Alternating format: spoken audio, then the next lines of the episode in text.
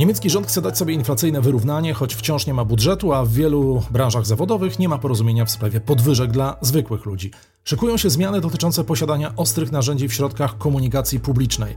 Będzie też nowa strategia bezpieczeństwa narodowego, bo po miesiącach negocjacji jest w tej sprawie porozumienie. W Niemczech po raz pierwszy finał Ligi Mistrzów komentowała kobieta. I niestety za to, że była kobietą, wylał się na nią hejt w sieci. O tym wszystkim w dzisiejszym flashowym podcaście newsowym z Berlina.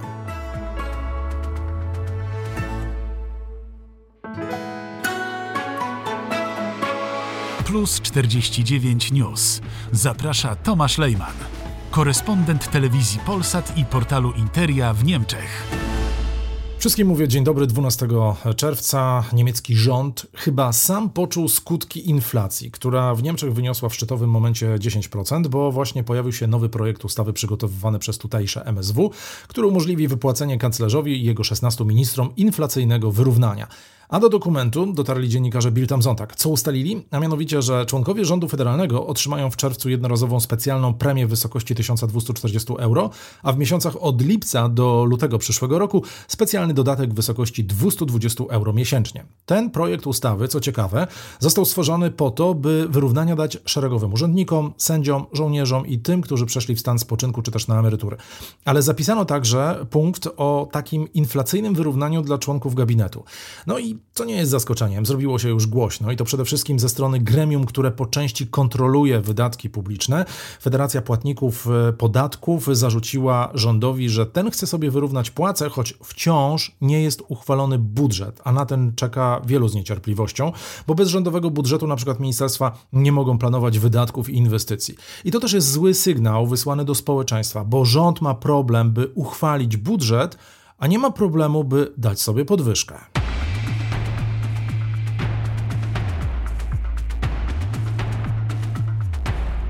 To jeszcze zostaje przy Ministerstwie Spraw Wewnętrznych, bo resort ten zamierza zaproponować niemieckim landom nowe rozwiązania dotyczące bezpieczeństwa, m.in. w pociągach i autobusach.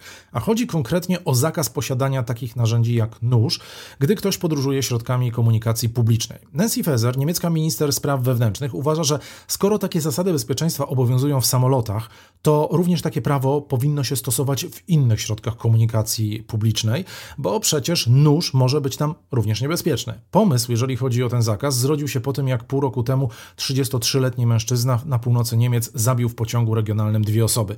Stosowny pomysł ma być przedstawiony na regularnej konferencji szefów resortów spraw wewnętrznych wszystkich krajów związkowych. Minister chce, aby za kontrolę odpowiedzialne były Policja Federalna i policje lokalne.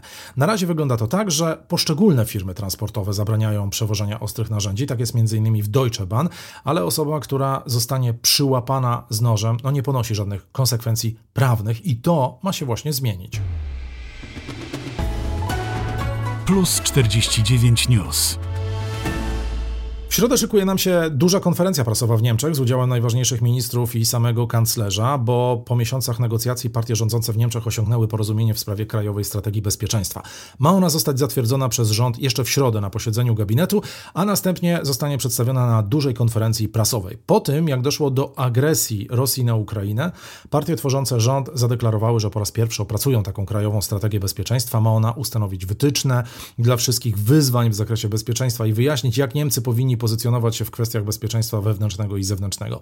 Strategia była długo zapowiadana, bo zgodnie z pierwotnym harmonogramem miała ona zostać zaprezentowana tuż przed prestiżową Międzynarodową Konferencją Bezpieczeństwa w Monachium w połowie lutego. Jednak, jak się okazuje, zabrakło porozumienia wewnątrz koalicji, a także pomiędzy rządem federalnym a krajami związkowymi.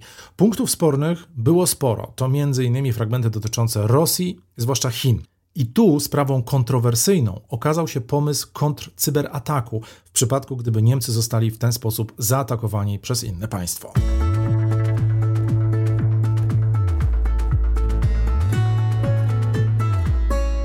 Opóźnienia, a nawet zawieszenie lotów to efekt również w Niemczech trwających ćwiczeń natowskich Air Defender. Co jakiś czas przestrzeń powietrzna dla cywilnych samolotów jest zamykana, co spowodowało, że pojawiły się oczywiście problemy na lotniskach, m.in. w Berlinie, Hamburgu, a także na południu Niemiec. Przypomnę tylko, że te ćwiczenia rozpoczęły się dziś, a zakończą się 23 czerwca. Bierze w nich udział 10 tysięcy żołnierzy z 25 krajów, do tego 250 samolotów, z czego aż 70 z Niemiec. Air Defender to ćwiczenia, które mają przygotować wojska na wypadek ewentualnego ataku na jednego z członków NATO. Plus 49 News.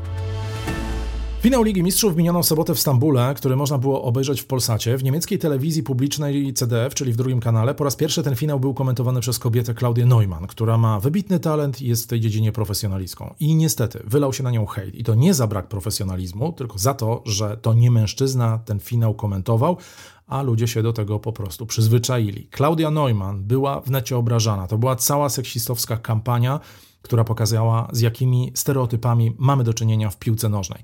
Murem za komentatorką stanęła redakcja i szefostwo telewizji. E, I to właśnie szefostwo skrytykowało część internautów i słusznie, bo rzeczowa krytyka jest jak najbardziej dopuszczalna, ale ataki tylko dlatego, że komentatorem była kobieta, są po prostu niedopuszczalne. Plus 49 News. Dziś to wszystko. Miłego wieczoru oczywiście Wam życzę i zapraszam na środę, wtedy kolejny odcinek newsowego, flashowego podcastu. Do usłyszenia.